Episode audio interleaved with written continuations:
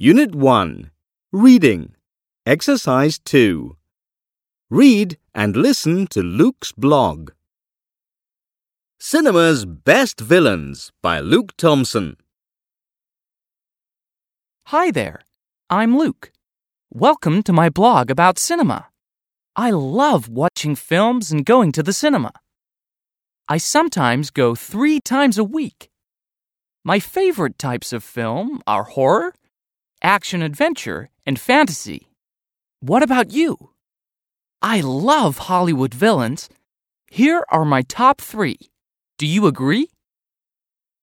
Cruella de Vil. Film 101 Dalmatians. Played by Glenn Close. I don't like this film much, but Glenn Close is a great villain in it.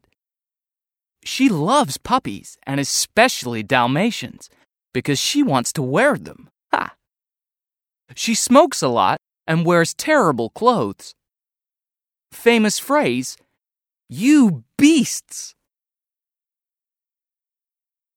Darth Vader.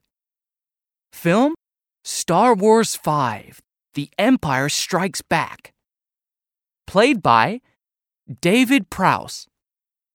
This is my favorite film, and Darth Vader is a great villain because he never shows his face and he speaks with a strange voice.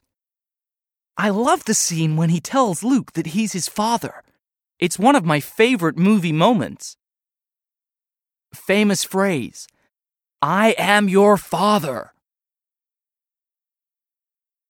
The Joker. Film The Dark Knight. Played by Heath Ledger. Definitely the best. Heath Ledger is fantastic in this film. Mom doesn't like it because it's very violent, but the Joker is brilliant, scary, and funny. Famous phrase Why so serious? What do you think? Write and tell me your top three cinema villains.